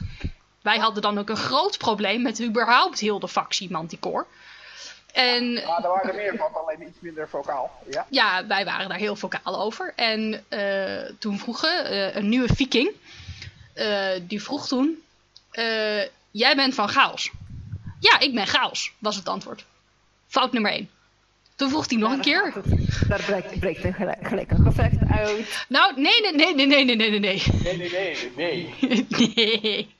Je hebt het gewoon toegegeven, dat was het hele probleem. Nee! Nee, nee, nee, maar laat Imke vooral het verhaal doormaken, want ik, er komt een heel mooi punt voor mij namelijk. Oh ja, absoluut. Ehm eh, hoe heet het nou? En dus die hebben toen nog een paar keer gevraagd van... Jij bent echt voor chaos? Ja, dat ben ik. Nou oké, toen is eh, Ratan, die is toen met onze vak, met onze kampleider gaan praten. En die heeft hem toen zitten ophitsen. eh, dat hij tegen die nieuwe viking zei... Zo van, ja, chaos moet dood. En toen heeft die nieuwe viking, die heeft hem wel gepakt. En die heeft dat eh popje neergemaaid. Eh, vervolgens dachten we, ja, maar dit, we willen niet dat ze dit overeind kunnen zetten. Dus we steken het in de hands. Zodat het poppetje echt dood was. Want we dachten eigenlijk dat het een NPC was. nou was het een DPC, dus hè. Ehm, en toen hoorden we naderhand, hoorden we eh, dat ze er eigenlijk wel blij mee was. Omdat ze van het poppetje af wou. Nou was het niet helemaal de manier waarop. Eh, nee, maar Maar het was viking op en top. ja, ehm, daar hebben jullie ook consequenties uit ervaren. Want Oh, absoluut. heeft toen, ehm, ik meen een middag eh, voor het kamp van Manticore vastgebonden gezeten. Ja. Ja, Ehm, ja Max doet, zit daar niet mee. Even mijn punt te illustreren met consequenties. Eh, het was niet zozeer de speler zelf die daar een probleem mee had, als wel een van jullie medespelers die daar toch wel ernstige bezwaren tegen had tegen wat daar gaande was. Bedoel je Ari? Eh, nee, ehm Lisa. Oh ja? Eh, ja. In verband met, die voelde zich niet zo heel prettig mee over wat er met, eh met toen gebeurde. Heel vreemd. Ja, Lisa die was de vriendin van Max. Ja, Eh, maar, maar dat is een beetje wat, wat sommige mensen weerhoudt om eh, eh, grote consequenties te trekken aan hun. ja, nou, nou kan... Dat je dit soort constructies krijgt. En als je dat met een monster doet, is dat een makkelijker verhaal. Ja, absoluut. Ja, kijk, Max ehm, is daar best oké mee. Die heeft ook zijn hele poppetje gebouwd op het idee van YOLO. Ja, Ja, moet hij helemaal zelf weten. En, maar, en hij heeft daar toen ook inderdaad best de consequenties van gedraagd, gedragen. En wij nu uiteindelijk ook. En daar gaan wij nu ook echt mee dealen. Eh, En dat gaat iedereen merken. En, maar dat is ook helemaal niet erg, want dat vinden wij ook leuk. Want daarom hebben wij uiteindelijk nu ook iets van twee of drie spelleiding die voor ons dingen doen. Omdat wij er ook heel erg voor zorgen dat onze cultuur, dat onze groep, die doet dingen. Er gebeuren dingen. En eh, dat heeft effecten voor heel de Vortex. ja maar dat, dat zijn we wel verder door aan het trekken. Want dat gebeurt binnen Wyvern eh, sowieso wel meer nu hoor. Dat, eh, Ja, Alleen wij hadden een, een hele grote groep, voornamelijk nieuwe spelers. ja, En voordat je die eenmaal op het punt hebt dat je echt consequent- consequentiespel ga- kunt gaan draaien wat, wat goed gaat, wat werkt en waarbij je eh, niet eh, meteen eh, volledig het onderspit delft en vooral de nieuwelingen het onderspit gaan delven. ja. Want dat vind ik vaak ook heel belangrijk om toch in oogschouw te nemen. Ik bedoel, mijn karakter is een van de leidinggevenden binnen, binnen Wyvern. En ja, ik vind het wel belangrijk dat in ieder geval het merendeel van de factie erin mee kan. Ja, ook, ook zeker. En we zijn ook echt wel met de vikingen bezig om te zorgen dat eh, die ook meer meekomen eh, en meer gaan doen met de factie. Maar eh feit is wel, wij zorgen als groep gewoon ervoor. Wij zijn als groep heel spelvoorzienend. Ondanks dat wij voor consequenties spelen en dat er soms misschien iemand doodgaat. Ehm, Je bedoelt, je, houdt mijn weekenden bezig, ja dat klopt. Weet je, maar wij zorgen er wel voor dat er heel veel spel gegenereerd wordt. En, ehm, Want daar zijn, daar zijn wij monsters voor, weet je. We, zijn nog net geen DPC-groep. Nee, ehm, al, al denk ik dat jullie nu eh zo langzamerhand een beetje de balans gevonden hebben tussen ehm, eh, dingen creëren. Want eh, jullie waren heel erg nog aan het creëren op een monstermanier. En de reden dat ik zo vaak tussen, te, eh, eh, ermee eh, in aanraking gekomen ben, is met name ook om te voorkomen dat er iets anders zou gaan gebeuren. Namelijk dat de Vortexianen jullie echt gewoon binnen een half jaar zat geweest waren en gewoon gezegd hadden, nou weet je wat, deze maken alleen maar problemen, die ruimen we op en klaar. Ja. Want Ja. het spel wat jullie maken is, is heel tof en is heel fijn om mee te maken. Maar in het begin, in het begin waren jullie daar wa- wat, wat hardhandig in. En, Ja, daar was ook niet iedereen het mee eens hoor. Want ehm, nee, nee, nee, nee. Maar we- het, is ook, het is ook een, een andere speelstijl, dus je moet ook wel wat leren. ja, en we zijn als groep nog heel veel aan het leren. Ook omdat we binnen de groep ook echt verschillende speelstijlen hebben. En dat ga je dan ook gewoon echt merken. Eh, en, en daar leren we nog steeds elke keer van. En, eh, maar dat houdt het spelletje ook wel leuk, want je merkt dat het hele kamp met elkaar verwegen raakt. En dat, is dat, ma- dat is het spelletje leuk. Zeker. Ehm, maar we gaan even terugstappen naar het hele verhaal. Van, eh, Naar het verhaal van vandaag. Namelijk beginnen met LARP. En we gaan het hebben over de eerste LARP-spullen. Namelijk eh, hoeveel geld je moet verwachten en wat je uit moet aanschaffen. Nou, voor een figurant is dat heel simpel. Een zwarte broek die geen jeansstof is. En twee zwarte shirts. eh, eentje met lange en eentje met korte mouwen. Dan heb je echt het grootste deel van je basispakje heb je binnen. Oh, en zwarte schoenen die niet eh, sportschoenen zijn. Gewoon, eh, kisten zijn heel populair. Gewoon bij een oude legerdump kun je die heel gemakkelijk vinden. Die zijn heel populair. of gewoon van die stevige wandelschoenen met niet, zonder felle opdruk. Dus denk aan eh, bruin of zwart. Dat zijn echt je grote vrienden. Ehm, probeer daar je, je, je stevige wandelschoenen te vinden. En wandelschoenen zijn je vriend. Die zijn echt je vriend. Want je maakt kilometers niet normaal. Ehm, en dat zijn, waar, daar moet je aan denken. Of dat je nou sp- speler bent of figurant, zorg voor goede schoenen. absoluut. Je maakt jezelf zo blij. Maar eh, voor figurant. eh, die En G- vergeet de RBO niet. Ja, Ik maak me absoluut. heel blij daarmee. Ja. Alhoewel, hebben ze ook wat te doen. Hebben ze weer een, wat blaren uit te prikken. maar het is heel belangrijk dat je eh, geen jeansstof gebruikt bij alle niet-moderne verhaallijnen. Dus heb je een post-apocalyptische LARP of een LARP waar alles mogelijk is, zoals Boeia, eh, dan kun je prima jeansstof gebruiken. Maar eh, heb je een, een high fantasy LARP of een low fantasy LARP, of een historische LARP, ehm, dan kun je dat gewoon niet doen. Want dat kun je gewoon nergens verkopen. Dus kijk heel erg goed per vereniging wat je qua kleding wel of niet kan doen. Voor speler ehm, raad ik je aan om je eerste kostuum zo simpel en niet te duur mogelijk te maken. Eh, het is immers absoluut mogelijk dat je personage je eerste avontuur ofwel niet overleeft. Het gebeurt en dat is niet erg. Ofwel jij komt zelf tot de conclusie dat je het hele spel rondom dit personage eh, helemaal niet leuk vindt. En dan is het gewoon zonde om heel veel geld te hebben gespendeerd aan een kostuum wat je nooit meer gaat dragen. Ehm, hè, dus voorkom dat gewoon. Nou kun je die kostuums dan wel weer verkopen op de, verkopen op de LARP eh vlooienmarkt of zo. Maar het is gewoon eeuwig zonde voor jezelf als je eh, meteen heel veel geld gaat spenderen aan een personage. Wat vervolgens of doodgaat, of wat je eigenlijk helemaal niet leuk vindt om te spelen.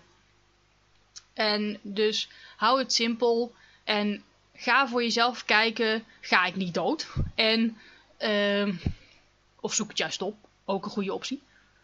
Ehm, en vind ik het, ja, ook een ervaring, een hele belangrijke ervaring. Eh, en ook zeker ehm, vind ik het spel wat ik met dit personage heb wel leuk. Of ehm, is er eigenlijk ander spel wat mij veel meer trekt, maar waar dit personage niet bij komt? Eh, zo ja, dan kun je bij, bij veel verenigingen kun je je eh, personage dan vaak wat eh redconnen of in ieder geval wat aanpassen qua vaardigheden. dat je wat meer de andere kant op kan. Want het is, voor LARP is het veel belangrijker dat jij lol hebt aan je spelletje. Dan dat het achtergrondtechnisch eh goed in elkaar zit. Dat is echt veel minder belangrijk. En daar moet je je ook absoluut niet door laten tegenhouden. Ehm, dus hou het simpel. Eh, door het spel heen gaat je personage groeien. En dan ga je extra spullen krijgen en aanschaffen om het personage beter tot zijn recht te laten komen. Eh, denk dan aan een zwaard dat je personage in het spel krijgt voor zijn of haar heldhaftige gedrag. Of het zakdoekje van de prins of prinses die je hebt gered. En die heel belangrijk was voor jouw personage, want daar had jij zo'n band mee. En dat was zo'n emotioneel. En dat heb jij nu. En dat kun je nu in je zak hebben en uh, je gezicht meedeppen. En je weer even verbonden voelen met die prins en prinses. Weet je, het zijn allemaal kleine dingen die jouw personage uiteindelijk allemaal gaan laten leven. Maar dat komt allemaal later wel. Voor de eerste keer is het belangrijkste dat je een zo simpel mogelijk pakje hebt met eventueel een niet al te duur wapen. Dus wat, ik, wat ik ook even wil meegeven, Imke, inderdaad uh, simpel, maar probeer ook eventueel te kijken naar kleding die je zou kunnen hergebruiken voor een ander personage. Ja, absoluut. Ga niet uber specifiek uh, iets doen met, met, met kleding die je vervolgens totaal niet meer kan hergebruiken voor een ander personage. Dat is gewoon zonde.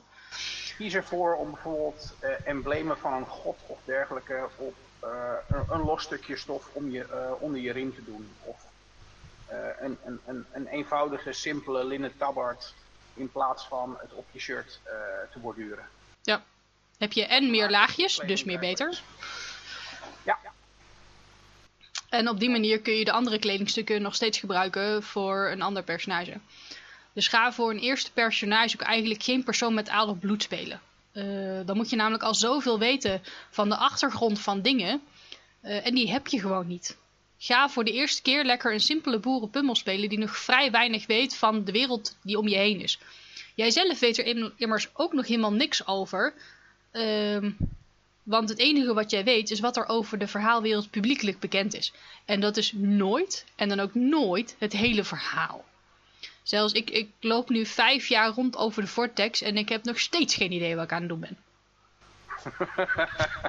Als in, ik snap er letterlijk nog steeds de ballen van. Er gebeurt echt oh, zoveel. En ik ben het ook gewoon lekker langzaam rustig aan het uitzoeken, want er wordt er een hoop verteld. En uh, ja, hoeveel onthoud je er nu echt van? gebeurt ook heel veel. Er, gebeurt zoveel. En, uh, dus, dus laat je, speel gewoon een lekker simpel personage en laat die veranderen door wat er gebeurt. Uh, maar een heel belangrijke tip, die ik, uh, wat je ook gaat spelen of gaat doen, kan meegeven, is ga met een groepje. Want tenzij je iemand bent die heel makkelijk mensen leert kennen, uh, of bij mensen aansluiting vindt, gaat het heel moeilijk zijn om echt aansluiting te vinden. Uh, want mensen zijn heel open. Uh, maar het is gewoon fijn als je zelf niet op de eerste avond meteen moeite moet gaan lopen doen om een vriendelijk kampvuur te vinden. Als je het gewoon zelf hebt samen met je eigen groepje. Dat je gewoon op een gegeven moment gewoon lekker even ergens neer kan zitten. niet uh, moeilijk spel hoeft te hebben, maar gewoon lekker uh, in character kan gaan zitten kletsen. Uh, dat kan ik helemaal beamen. Wij kwamen op de Vortex met, met drie man binnen ten tijde van de, groot, het grote gevecht op de Vortex met die Glindrax. Hmm. Niet het beste moment om aan te komen. Nee, ik, ik, ik, ik ben ook echt, ik vind het eigenlijk heel jammer voor mensen die nu met de sum gaan binnenkomen. Want die komen echt letterlijk met de apocalyptisch binnen. Je viel weer weg, maar ik neem aan dat je bedoelt met de uh, summoning van dit jaar. Ja. ja, die komen met de apocalyps komen ze binnen. En uh, vervolgens kunnen ze het evenement daarna. Uh, zal het waarschijnlijk weer heel erg anders zijn. Of nou, het, he, we, we, weten niet wat voor veranderingen er gaan zijn, maar er zullen veranderingen zijn. Ik, ik denk eigenlijk dat het niet eens zo'n slecht moment is om Omdat ik denk dat ze van de nieuwe veranderingen net zoveel weten als de spelers die al jaren er zijn. Ja, dat klopt. Maar dan kun je dus volgens mij beter met Moeds 2 beginnen. Uh, en dus letterlijk met iedereen de nieuwe uh, veranderingen meemaken. Als met uh, de summoning uh, dat je eerst heel verward bent van hoe dat het nu weer gaat zijn. En dat je dan op Moeds 2 aankomt. En dan is het, oh ja, nou is het weer opnieuw anders. Of zo. Zeg maar, dat, dat, dat lijkt mij voor iemand uh, die helemaal nieuw is in het spelletje, lijkt me dat gewoon geen prettige ervaring. Ik, uh, ik heb niet, niet voor ogen wat ze gaan doen, um, maar ik, ik, ik vind de speculatietrein in ieder geval heel interessant. Vooral omdat hij alle kanten uitdendert. Ah, we gaan het zien. Ik ben heel benieuwd of ik... Nou ja... Zodra we dit uit gaan zenden, vermoed ik dat ik het inmiddels al weet of ik de volgende maal nogmaals uh, het karakter kan spelen wat ik uh, al zes jaar speelde voor Ja. Uh, dan wordt het nu tijd voor een prachtig model waar Mark heel veel van af weet en ik heel weinig. Dus ik geef het toneel even aan Mark. ik ging vertellen over het Freeway Model. Ja, uit de Noorse LARP. Uit de Noorse LARP, inderdaad.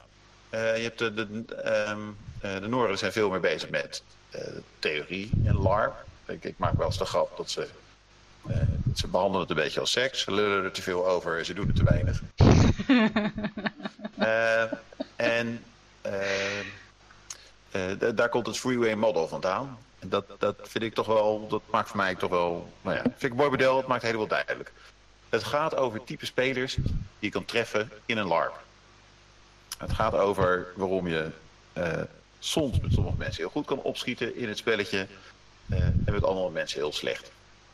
En het begint eigenlijk bij uh, wat ik denk dat jullie misschien ook wel eens hebben gezien, dat als je een bordspel speelt, al, al is het ganzenborden of Monopoly, dat, dat je daar een verschillende type spelers hebt. Je hebt van die mensen die willen kosten wat het kost, willen die het spelletje winnen.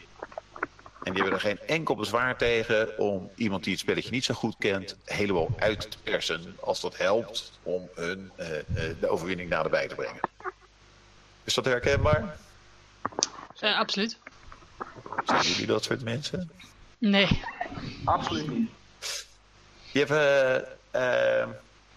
je hebt mensen die zijn vooral bezig met het halen van ja, doelen. Weet je, als we Monopoly aanhouden, die willen bepaalde straten compleet hebben, want dat is een gelukstraat. Of weet je, ze hebben er al twee, ze vinden het gewoon interessant om die derde erbij te hebben, dat is leuk.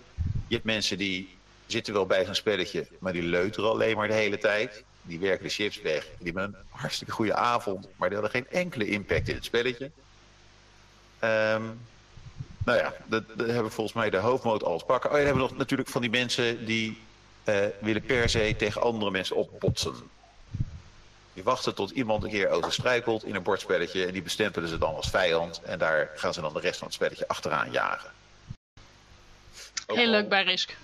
Ja, ook al is dat niet helemaal logisch. Ja, maar jij had toen bij mij, dus ik ga. Ja. Nou ja. Je hebt een beetje, daar zitten een aantal archetypes in. En uh, de Noren, of eigenlijk, je had eerst met meneer Richard Bartle, die heeft een heel mooi boek geschreven over virtuele werelden. Uh, die heeft een soort tussenmodel gemaakt. En de Noorden hebben dat verder gedestilleerd. En die hebben daar de Freeway Model uitgehaald. En de Freeway Model zegt... Als je het heel hoog over bekijkt... heb je drie soorten spelers. Uh, je hebt mensen die willen vooral het spel spelen. Die willen met de spelregels rommelen. Die willen items hebben. Die willen karakters bouwen. En die gebruiken dat... Uh, een, een, het karakter dat ze spelen is een vehikel om uh, met de spelregels te rommelen. Um, het is, als, het, als ze doorslaan, zijn dat de mensen die vaak power games doen. Het zijn mensen die vinden mana belangrijk en een hoop lammies willen ze graag hebben. Dat zijn de, de kaartjes waar je powertjes op staan. Yes. Um, en daar, dat zijn meestal mensen die op een gegeven moment wel boven komen drijven, die de boventoon voeren in, uh, in zo'n spelletje. Simpelweg omdat ze de sterkste karakters zijn die er rondlopen. Uh, dat noemen ze gamists. Dan heb je nog de dramatist. Als ik, volgens mij ben ik er daar eentje van, volgens een of andere online nou, test. Dat weet ik niet helemaal zeker. Een dramatist is iemand die is niet trouw aan zijn karakter, maar die gebruikt het vooral als vehikel om gave scènes te creëren. Ja, ja, ja. ja. En die heeft er ook niet zo'n probleem mee om dat karakter overboord te gooien als hij daarmee iets leuks bereikt of een leuke scène kan maken. Het zijn mensen die willen vooral verandering de hele tijd. En dan heb je uh, een derde archetype, dat noemen ze immersionist. Dat is voor de Noorden is dan een soort heilige graal. Dat zijn mensen die willen vooral het karakter spelen. Dat zijn mensen die, die zijn bezig met, uh, die hebben mo mooie namen bedacht voor alles. Een eigen speltaaltje en een, een, een, een uh, allemaal interne creatologie. Die zijn vooral bezig met het beleven van een rol. Ja, daar val ik inderdaad wel heel erg onder. Ja, ik denk daar, dat daar, daar ben ik ook meer in, uh, in thuis dan tot nu toe. kan ik me goed voorstellen. Je hebt als je het, ehm, eh, als je kijkt naar die scène die jij eerder beschreef, dat je zei, er stond iemand die zei dat ze van chaos was. Ze zei bovenop begonnen, je bent doodgeslagen. Want dat is wat jullie karakter zou doen. Ja, absoluut. Dat is, als, je, als ik een game zou zijn, dan zou ik zeggen, ik heb het doodgeslagen en gekeken of ze nog items had. Ja. En, eh, eh, eh, als ik een, een dramatist zou zijn, dan zou ik er, eh, weet ik eigenlijk niet, ik denk vastgebonden hebben en geprobeerd om eh, de altaar. chaos duivel uit er te drijven. Kijken of ik die zelf kon overnemen misschien daarna. Maar dat zijn de drie, eh, de drie die de Noorden belangrijkst vinden. En is er nog een vierde, maar de Noorden zeggen die is niet belangrijk, want die speelt geen rol in het spelletje. En dat zijn eh, de socials, dat zijn mensen die willen vooral... eh, die vinden het interessant om met andere mensen rond te hangen in zo'n kamp. Die vinden Val het ik gewoon ook leuk om onder. onderwerp te zijn. Die, die koken graag en die kletsen. Maar dat hele roleplayen, dat is een beetje een ondergeschoven kindje. Ja, nee, ja, wat ik denk ik dan bedoelde, is dat er was een of andere test en dan kon je zien wat voor soort speler je was. En eh, ik, was, ik ben echt een speler, ik hou van drama. Oh, dat, daar kan ik echt zo van smullen. Heerlijk vind ik dat. Omdat, vooral als ik dat bij iemand anders kan zien ontvouwen. Zelf wil ik er echt niet in terechtkomen. Ja, Maar bij een ander het zien ontvouwen, oh, dat vind ik prachtig. Dat, eh, daar ga ik gerust op een afstandje van staan genieten. En wat wel aardig is, is dat deze mensen, want je, je kan je voorstellen dat, dat een gamist begrijpt een andere gamist veel beter. Ja. Als ik het, het, het, een, andersom zeg maar, als ik een gamist ben, en ik denk oké, ik heb hier een zwaard, dat wil ik gaan betoveren. Dan stap ik bijvoorbeeld naar een dramatist en die probeer ik uit te leggen dat ik mijn zwaard wil betoveren omdat ik meer schade wil doen tegen monsters. En die begint dan met allemaal vreselijke dingen als de zielen van gevallen kameraden erin opsluiten en het ding laten spreken. En dat gaat helemaal mis. Dus die- ehm, je moet dus, er gaat een moment komen dat je begint aan zo'n spelletje dat je denkt, ik kan me helemaal niet vinden in wat deze mensen belangrijk vinden. Dan moet je eigenlijk dit model even in je hoofd houden en bedenken, hé, hey, ben ik misschien een ander soort type, moet ik misschien een ander soort spel opzoeken. Je hebt alle drie de types nodig om een, eh, een leuk spelletje te hebben. Dus je moet ehm, op Vortex bijvoorbeeld, ja, Vortex is zo groot, natuurlijk zijn alle drie die, die, die mensen er. Eh,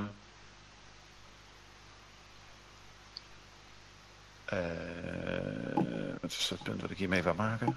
Ik pak hier even een aantekening hierbij hoor. Dat je gelijkgestemden moet opzoeken. Zoek gelijk stemmen op. Ja, want dat zijn, dat zijn de mensen die eh, eh, snappen het best wat jij in het wil bereiken. En daar kun je het makkelijkst mee praten. ja. Daarom ben ik ook heel blij dat ik Pascal heb uitgezocht om mee te trouwen. Ja, ja ik, ik, ik, mijn, mijn grootste hobby binnen VA momenteel is echt eh, faciliteren voor anderen. En het voordeel is, Vortex laten we dat ook redelijk doen zonder daar al te veel voor op te offeren. Ja, tenzij je aan de powerplay kant gaat kijken, eh, dan offer ik heel veel op. Ja, maar ja, aan de andere kant, jij, aan de andere kant heb jij ook wel weer heel veel powers, omdat jij heel veel mensen om je Nee. heen hebt. Helemaal niks. Je hebt mensen om je heen die powers hebben. Dat is waar. En dat, dat zei ik. Ja, aan de andere kant heb jij heel veel mensen om je heen aan powers, dus heb jij veel Ja, powers. Ja, dat, ik, heb, ik heb het netwerk, maar daar houdt het, daar houdt het ook dan op. Maar dat geeft niet. Ook dat is een leuk spelletje om te spelen. Oh ja, dat is ook zeker het spelletje waar ik hem blij in wou brengen. Want over het algemeen overschatten ze de, de capaciteiten van, eh van Tovar redelijk. Dus dat scheelt. Dat is altijd goed. Dat kun je- Nou, Laten we dat ook vooral niet verder vertellen, dus shh. Oh. Dat is wat- metagaming, hè? Wat wel aardig is, ik, ik, kan dus, ik, ik denk dat ik en Imke, als ik, als ik een speler zou zijn, Imke, zou ik, eh, ik zou me het apenlazer vervelen als ik bij de vikingen zou zitten. De, eh, eh, omdat, ze jullie zijn zo druk bezig met het beleven van zo'n kamp, dat ik alleen maar denk van ja, wat gaan we nu eens stuk maken, wat gaan we nu eens veranderen, waar gaan we nu eens aanzitten, wat niet de bedoeling is. Nou ja, dat... eh, Daar zijn er genoeg van binnen het kamp van de vikingen die dat met regelmaat doen. Oh ja, Er zijn zelfs de sterren in, in eh factie Wyvern. ja. In, aan de verkeerde dingen zitten. Of tegen de verkeerde dingen aanschoppen. Dat is echt een, eh, een, een, een gave, die hebben ze. Ja, daarvoor moet je echt, net echt wel bij de vikingen zijn. zeg maar, ik sta onder de vikingen bekend als degene die nadenkt. Mhm. Van, door mensen uh, buiten de vikingen, die vinden dat. Binnen de vikingen heb ik niet het idee dat ik heel veel te vertellen heb. Dus dat is een beetje jammer voor de vikingen. Of nou, dat vindt de factie jammer voor de vikingen, laat ik het even goed zeggen. Uh, maar nee hoor, die kan, uh, want wij hebben uh, immersionisten in het kamp zitten. wij hebben ook absoluut dramatisten in het kamp zitten. en we hebben ook echt wel gamisten in het kamp zitten. Dus binnen het kamp hebben we ze alle drie zitten. En ook socializers, die hebben er ook zitten. Ehm, maar ja, het moet maar net zijn of dat je het spel wat die mensen te bieden hebben, of dat jou dat ook leuk vindt. Zeg maar. Dus je, je, zeg maar, het maakt eigenlijk niet uit wat voor soort spel je zoekt. Binnen de vikingen uh, kun je voor alles iemand vinden. Kijk, uiteindelijk elke, elke grote groep die zichzelf in stand houdt, zullen al, al die, alle vier die rollen op een of andere manier in terug te vinden zijn. Ja. ja. Zeker. Het is, ook, het is ook maar, je moet ook niet al te zwaarwegend. In een van de, uh, in de bijsluiter van het belletje staat ook dat je niet iedereen is 100% één rol. Iedereen leunt wel erg naar de ene kant of naar de andere kant. En waarschijnlijk is niemand het per se absoluut. Waarschijnlijk zou je het zelfs veranderen afhankelijk van de context waar je je in bevindt. Absoluut. Het is maar een modelletje. Ja, helemaal. Het is, het, is, het is een leuk, leuke leidraad om, om, om naast dingen te leggen. Om gewoon te zien waarom dingen werken of niet werken. Ja, en ik denk zeker als je begint met het spelletje, dat het iets is wat je om je arm kan houden en kan bedenken, hé, hey, dit is niet leuk, waarom is dit niet leuk? Is het misschien niet leuk omdat ik bij de verkeerde mensen zit? Ja, absoluut.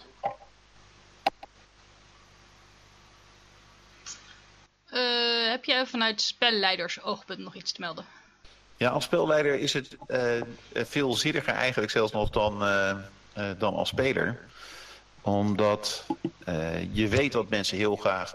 Als je, als je dit modelletje in gedachten houdt, dan komt speler tegenover jou staan en die wil wat van jou. Bij de meeste, de meeste LARPs heb je als spelleider bij de vooral natuurlijk op het moment dat een call gemaakt moet worden. Iemand wil wat, wat, wat hij zelf niet kan beslissen. Dus hij wil dat het voor hem wordt beslist. Dan stap je naar spelleider. Ja. Um, met die verschillende types in met die drie types in gedachten, eh, eh, kun je voorstellen dat ik elke beslissing eh, naar een van die drie kleuren kan laten leunen. En andersom, dat ik ook weet dat die drie types zijn, willen ook bepaalde dingen niet. Ik weet dat een, een immersionist, die wil niet geforceerd worden. Weet je, als ik zeg, hé, hey, weet je, komt daar weer toe, je, ik wil horen wat mijn God hiervan vindt. En dan is, en ik, ik, ik geef een call aan in de richting van, nou ja, ja God wil dat jij een zwaard gaat smeden. En dat je zegt, nou, dat vind ik gek. Dan weet ik dat als jij de mercenist bent, dat als ik het vermoeden heb dat dat jouw favoriete stijl is, dat ik er niet op moet gaan duwen en moet gaan leunen. Want dan, uh, nou ja, dan heb jij het minder naar je zin. Dan vind je dat ik een slechte call maak. -huh. Ik moet meer bedenken, oké, okay, dit is iets wat zij wil doen. Ze is een mercenist, dus waarschijnlijk een beetje vissen en vragen. Wat wil je precies bereiken? Je wilt al je verhaal kwijt, oké. Okay. Uh, uh, de god kijkt naar beneden en je voelt een goedkeurende uh, arm op je schouder. Daar doe ik zo'n speler een groot plezier mee misschien. Dan dat ja. ik hem een groot vlammend zwaard geef waarmee monsters exploderen als je ze aanraakt. Dus ik weet bij immersion is dat ik niet moet forceren. En ik weet bij een, een ehm, je kan je anders dan voorstellen dat gameists, dat zijn mensen die vaak uh, uh, een hele karakter al jaren vooruitgepland hebben. Dat ik zeker niet moet gaan rommelen en ze dingen moet nemen aan powers of skills, of mana of... nou ja, dat... Pers persoonlijk heb ik daar iets minder moeite mee, maar dat heeft meer met mijn weten met powergaming te maken. Misschien, ja, misschien ben jij dus ook geen gamist, Pascal? nee, zeker niet. Zeker niet je hebt bijvoorbeeld, we hebben... Uh, het, is, het is heel moeilijk om mensen in zo'n vak te delen. Want zeker als mensen zelf zeggen, hey, ik pas helemaal niet in dat vakje. dan, nou ja, dat, dat, is een, dat is vervelend. maar we hebben op, op, op Vortex best wat problemen gehad met spelers. waarvan we dan dachten, oké, we moeten gaan schroeven aan die powers. Ja. En dat je daarover een discussie begint en dat die mensen ontploffen. Dat die schreeuwende dieren over het veld lopen. En, en dat je denkt, oh, dit gaat helemaal niet goed. Vervolgens laat je die, nou ja, hadden we die, hebben we die spelers links laten liggen en, en escaleerde het alleen maar verder. Ja. Uh, dus vandaar, weet je, met het freeware modeling gedachten, dan hadden we het bijsturen of ze andere powers kunnen aanbieden of ze uh, het voorzichtiger kunnen aanvliegen dan dat we gedaan hebben. Ja, nee, zeker. Je hebt als laatste heb je de, ik, ik had nog over de dramatist. Ja. Uh, want dramatisten willen altijd dingen veranderen. Die willen allemaal onwaarschijnlijkheden. Dus de, ehm, die willen dingen met goden die helemaal niet de bedoeling zijn. En die willen zielen vastknopen aan, aan, een, aan een sokken. En, en die dan lanceren de void in. En daar kracht uithalen. En, uh, wat je daar vooral moet doen is ze niet blokkeren. Dus ik weet dat als ik zo iemand voor me heb staan, als ik mezelf voor me heb staan, moet ik zeker niet zeggen, dat kan niet. maar dan moet, ik, dan moet ik het voorzichtig proberen bij te sturen of moet halverwege de sok laten exploderen. En, en ik moet ze nieuwe mogelijkheden geven om mee verder te klootviolen. uh, zolang ik, zolang ik dat, dat, dat, dat gevoel zeg maar, van, van creativiteit die beloond wordt, maar blijf voeden. Ja, ja dat, dat, dat begrijp ik heel goed. En wat, wat doe je dan eigenlijk met de socialist? Uh, die, die, staat ja, dat is grappig, hè? Want daar had mijn, uh, mijn vrouw die heeft daar een mening over. Die heeft me ook een keer voorgelegd van... Hey, ik heb dit gelezen, ik vind het interessant. Ze zei, ja, ik vind wel dat, dat social gebeuren... dat wordt door de Noorden dus weggezet... als in, het heeft geen impact op het spelletje, dus het is niet belangrijk. Uh, maar er zijn, heel vaak is dat natuurlijk een soort bindende factor in die spelersgroep. Iets waar je altijd naartoe kan terugkeren wat, wat mensen die in het kamp zitten, die koken, noem het op. Ja. Um, ja. En wat, uh, wat die vooral willen is dat er, dat er tijd is voor, voor wind-up en wind-down. Dus dat het niet permanent op het scherpst van de snede gespeeld moet worden, maar dat er ook gewoon mensen dat kampvuurtje gestookt wordt en iedereen bij elkaar zit en de dag wordt doorgenomen en dat iedereen een kans heeft om wat te zeggen. En dat dat niet het moment is dat je als spelleider erin moet stormen en moet zeggen iedereen moet op zijn knieën en uh, jullie worden allemaal geblinddoekt. En uh, dat, dat wordt niet op prijs gesteld. nee. Nee, klopt. Maar van, van, van de, de, de, eigenlijk is die, de, de social player is dan nog het makkelijkst qua calls. Je moet gewoon geen calls maken. ik, ik, wou zeggen, die, die, volgens mij zie je die sowieso niet zo heel vaak voor je neus staan. Nee. Die, komen niet zo gauw naar jou toe voor een call hooguit dat je moet bedenken wanneer je de call plaatst als ze in de buurt zijn. Ja, ja dat correct. Yep. Nee, dat, uh, op, op zich zijn alle spelers die zijn nuttig. Um, uh, ik heb op zich ook helemaal geen problemen met uh, gamisten op zich. zij het dat daar wat mij betreft gewoon een van de meest lastige spelertypen tussen zit, de powerplayer. En die komen met name om het spelletje te, te winnen, voor zover het spelletje uh, te winnen is. Ja, nou kijk, weet je, ik, ik denk dat het, waar, waar het probleem vooral in zit, is dat iedere soort speler het spelletje op een andere manier wint. En dat dat soms botst met hoe andere mensen het spelletje winnen. Ja, mee eens. Um, het nadeel vaak van de powerplayer is dat uh, ze graag het spelletje winnen ten koste van alles. Uh, ieder, alles en iedereen. Ja. Want er zijn ook genoeg gamers die dat niet hebben hoor. Ik bedoel, er zijn er genoeg op de Vortex met uh, waanzinnige hoeveelheden powers die absoluut iedereen de ruimte laten. Dus wat dat betreft, er zijn zeker hele goede spelers dus te vinden. Maar dat geldt, dat geldt voor ieder archetype waarschijnlijk. Ja. Uh, nou is dit uh, meteen natuurlijk weer een hele lange podcast geworden. Uh, ja. en, uh, maar dat is ook niet erg. Dat was ook een beetje waar ik heen wil. Namelijk verhalen tussen de informatie door. Ehm, en Eh, volgende week gaan we het hebben over IC en OC scheiden en OC-issues in het spel. Uh, hierbij staat, even voor de duidelijkheid voor nieuwelingen, uh, IC staat voor in character en OC staat voor out of character. Uh, oftewel, hoe houd je in het spelletje en buiten het spelletje uit elkaar?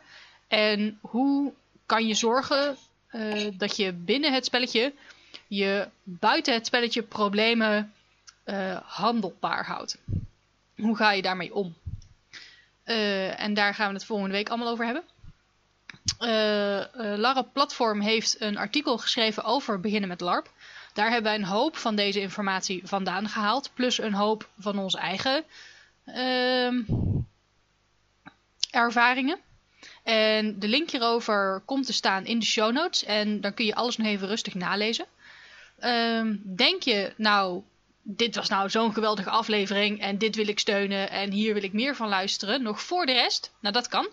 Abonneer dan op de Patreon-page YFMC voor 5 dollar of meer. En je krijgt toegang tot nieuwe podcasts en de notities van de show nog voordat anderen deze kunnen horen. Uh, hier vind je ook nog meer geweldige LARP-gerelateerde projecten van mij, waar je deze op de voet kan volgen. Uh, ga naar www.patreon.com slash yfmc.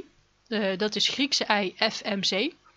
En abonneer je om toegang te krijgen tot geweldige kijkjes achter de schermen. En eerder toegang tot nieuwe podcasts en alle andere dingen, zoals ketelrecepten en tarotlegging. En die kun je zelfs gebruiken voor je LARP-personage. Ja, dat werkt. En ja, ze zijn geweldig informatief. Uh, heb je nou zoiets van, nou, ik heb hier nog een geweldig verhaal over. En dat wil ik uh, dat jullie dat vertellen op de podcast. Dat kan. Of denk je, uh, nou, ik heb dit nou allemaal gehoord en ik snap het nog allemaal niet allemaal. Uh, en ik heb hier nog wat vragen over. Ook dat kan. Uh, al je verhalen en vragen kan je sturen naar imke.ma.stevens.gmail.com. En dan gaan wij die in een volgende podcast behandelen. Ajus!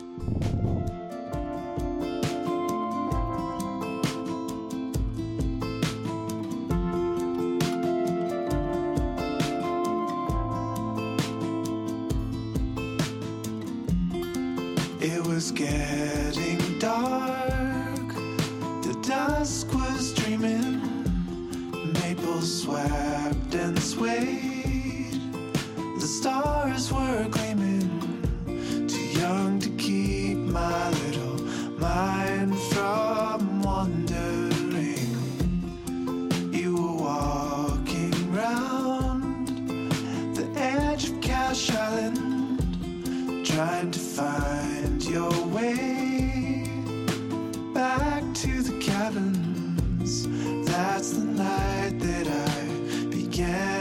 you